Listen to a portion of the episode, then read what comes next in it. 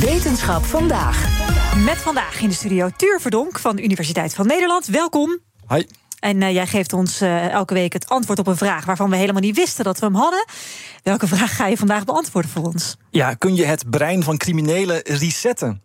Het brein van criminelen resetten? Ik zou het wel willen. Ja, zou je denken? Ik, ik uh, ja, ja, nou weet ik niet. Vertel, waar gaat ja, dit over? Geen dystopische gedachten hebben erbij gelijk. Het kan natuurlijk uh, allemaal science fiction films komen je hoofd in. Ja. Nee, het gaat over experimenteel onderzoek dat wordt gedaan bij mensen die in een opwelling een misdaad hebben gepleegd. Het gaat dus niet over psychopaten die heel berekenend, manipulatief hun dingen doen. Ja. Nee, het gaat over gewelddadige criminelen die bijvoorbeeld door hun gewelddadige misdrijf in een kliniek zitten. Um, we hebben het al vaak gehad bij Wetenschap vandaag over dingen aan het brein doen met stroompjes. Je kan beter zien door stroompjes te geven aan je brein. Je kan misschien beter horen door beter met stroompjes te werken. Een soort elektroshocks. Ja, ja, zeg dat wel. Denk niet gelijk aan Jack Nicholson met One Flew over het koekoeksnest. Um, nee, het gaat ook inderdaad letterlijk over je gedrag verbeteren met kleine stroompjes. Kleine stroompjes. Uh, bij de Erasmus Universiteit Rotterdam, daar werkt Josanne van Dongen, forensisch psycholoog. En zij werkt met wij zouden zeggen gevangenen, maar het gaat eigenlijk over cliënten die in een kliniek zitten. Ja. Uh, die vrijwillig meewerken om te kijken of je met stroompjes hun gedrag kan verbeteren. Want het zijn dus mensen met wie echt in het brein iets aan de hand is. We hebben verschillende misdadigers uiteraard. En soms hebben zij gewoon een ontzettend slechte jeugd gehad. Maar het kan ook zijn dat ze al vanaf de geboorte... dat er toch echt iets anders in het brein aan de hand is... waardoor zij nou, bijvoorbeeld minder empathie kunnen tonen... of misschien juist uh, minder zichzelf kunnen reguleren, zoals we dat noemen. Zij hebben een slechte impulsbeheersing, dus zij reageren veel impulsiever. En daardoor vertonen zij wellicht meer uh, gewelddadig gedrag.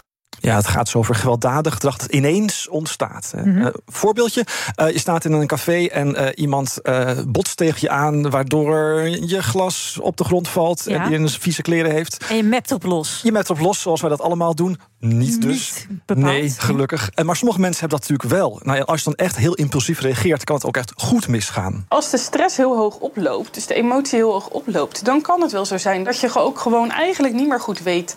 wat je doet en wat er gebeurt omdat je niet meer helder en rationeel kan nadenken. Je wordt eigenlijk overmand door je Het emoties. is vaak iets wat wij volgens mij vroeger uh, zinloos geweld noemden. Hè? Ja, dat mensen met- echt uh, letterlijk doodgemapt worden om, om niks. Ja, maar als we het over uh, dan zo'n zo, zo voorbeeld in een café hebben, dan komt daar dus ook nog alcohol bij. Ja, precies. Ja, Dus dat maakt natuurlijk alles ingewikkelder. boel. Ja, precies. Maar goed. Dat- Ja, er zijn natuurlijk hele, hele uh, wetenschapsonderzoeksgroepen die kijken naar wat alcohol met je hersenen doet. Mhm. Uh, en nou ja, bottom line is niet goed. Nee. Is heel gezellig, maar het is niet goed voor je. Nee. Uh, wat Josanne van Dongen haar groep doet, dat is dus met stroompjes werken. En uh, zij geeft de stroompjes niet op je hoofd, maar ze hangt een soort ja, een gehoorapparaatje uh, in je hersenen. Ja. sorry, in je oor. Dus niet in je hersenen, maar juist in je oor. Daar loopt nou een grote zenuw die helemaal van de benedenkant van je romp door je hele lijf naar boven gaat. Dat Ja. ding heet de nervus vagus. Um, en dat stroompje gaat dan via die zenuwbaan naar je prefrontale cortex. Dat is de voorkant van je hersenen, wat heel veel met gedrag en leren te maken heeft. Mhm. Um, en daar proberen ze het ding te stimuleren. Maar, en dat vind ik echt het bijzonderste van dit hele onderzoek, het gaat ook naar het hart, die zenuw. En wat die zenuw door die stroompjes te geven doet bij het hart, is het hart uit zijn vaste ritme halen. Oké, okay, wacht heel even. Dus je, je, manipuleert een hart zo dat iemand eigenlijk gewoon hartritmestoornissen krijgt. Ja, dat, dat, dat, dacht ik dus ook toen ik dat las. Uh, maar dat blijkt helemaal niet zo te zijn. Nee, het is juist goed als je hartritme schommelt. Um, dat noemen ze hartritmevariabiliteit. Hè, de manier waarop je uh, hart van ritme verandert. Ja. Um, en het blijkt dat die schommeling je helpt om met emoties om te gaan. Uh, die zijn dus echt gekoppeld aan je hartslag. Uh, niet een stabiel ritme is goed, wat ik zou denken. Maar juist een instabiel ritme met vertraging, versnelling. Dat is goed. Want als je lage variabiliteit hebt, dan blijf je hangen in je emotie. Als je een lage hartritmevariabiliteit hebt en je wordt boos, dan blijf je eigenlijk boos. En dan kan je eigenlijk zeggen dat je dus minder uit die emotie kan komen. Terwijl iemand met een hoge hartritmevariabiliteit, die kan wel boos worden, maar die blijft er ook niet zo in hangen. Die kan zichzelf weer tot rust brengen. Dus wat we eigenlijk zien is dat als je de hartritme variabiliteit ervan verandert, dat personen zich dan ook wat meer tot rust kunnen gaan brengen na een heftige situatie. Fascinerend dit. Ja, ja. Nou, dan zou ik denken van, is dat dan ook echt zo? Werkt het echt zo?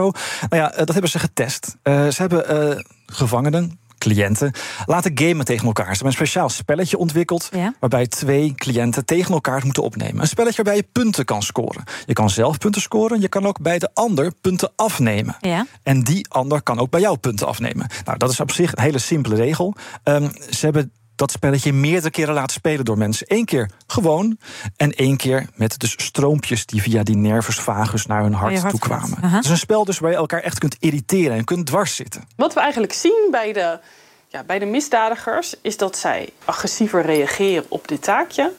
Maar dat als wij de hersenen stimuleren, dan zien we in het experimentje dat ze minder geneigd zijn punten van de ander af te pakken. En ook minder geneigd zijn als punten bij hen wordt afgepakt om dan ja, terug te pakken, zeg maar. Ik vind het nogal wat hoor. Je gaat wel rommelen met iemands hersens. Dat, dat, dat, ik En vind behoorlijk, ja, en, en hart dus inderdaad. Hart en hersens. Ik vind het nog wel eng klinken. Ja, je zou bijna kunnen zeggen van eh, dat zijn allemaal alarmbellen die af moeten gaan. Dat gaan we natuurlijk niet doen. Ehm, maar het eh, gekke is dat, ja, zoals Josanne van Dongen het zegt, ehm, wij doen heel veel met onze hersenen al en beïnvloeden. Misschien niet met stroompjes, maar het is Nee, met niet veel anders. Sorry. En los van de alcohol eh, doen we natuurlijk met heel veel met, met dingen met onze hersenen. En dat heeft ook te maken eh, met alle dingen die we heel normaal vinden. Dit soort neurotechnologisch onderzoek heeft wel haken en ogen. Maar kritiek die nu wordt opgeworpen, vind ik dat dat ook nu al geldt. Een goed voorbeeld vind ik medicatie. Op dit moment wordt er ook medicijnen gegeven aan forensische cliënten. Ehm, en dat heeft ook invloed op de hersenen. Maar zelfs praattherapie is er eigenlijk voor bedoeld dat er natuurlijk veranderingen in het denkproces plaatsvinden. Dus ook veranderingen in de hersenen. Ja, want je hersenen zijn dus echt constant in ontwikkeling. Dat blijft gewoon doorgaan. Nou, dan kan je net zo goed proberen een beetje de goede kant op te duwen. Fascinerend dit. Ik wil er later zeker nog meer over horen. Dankjewel, Tuur Verdonk van de Universiteit van Nederland.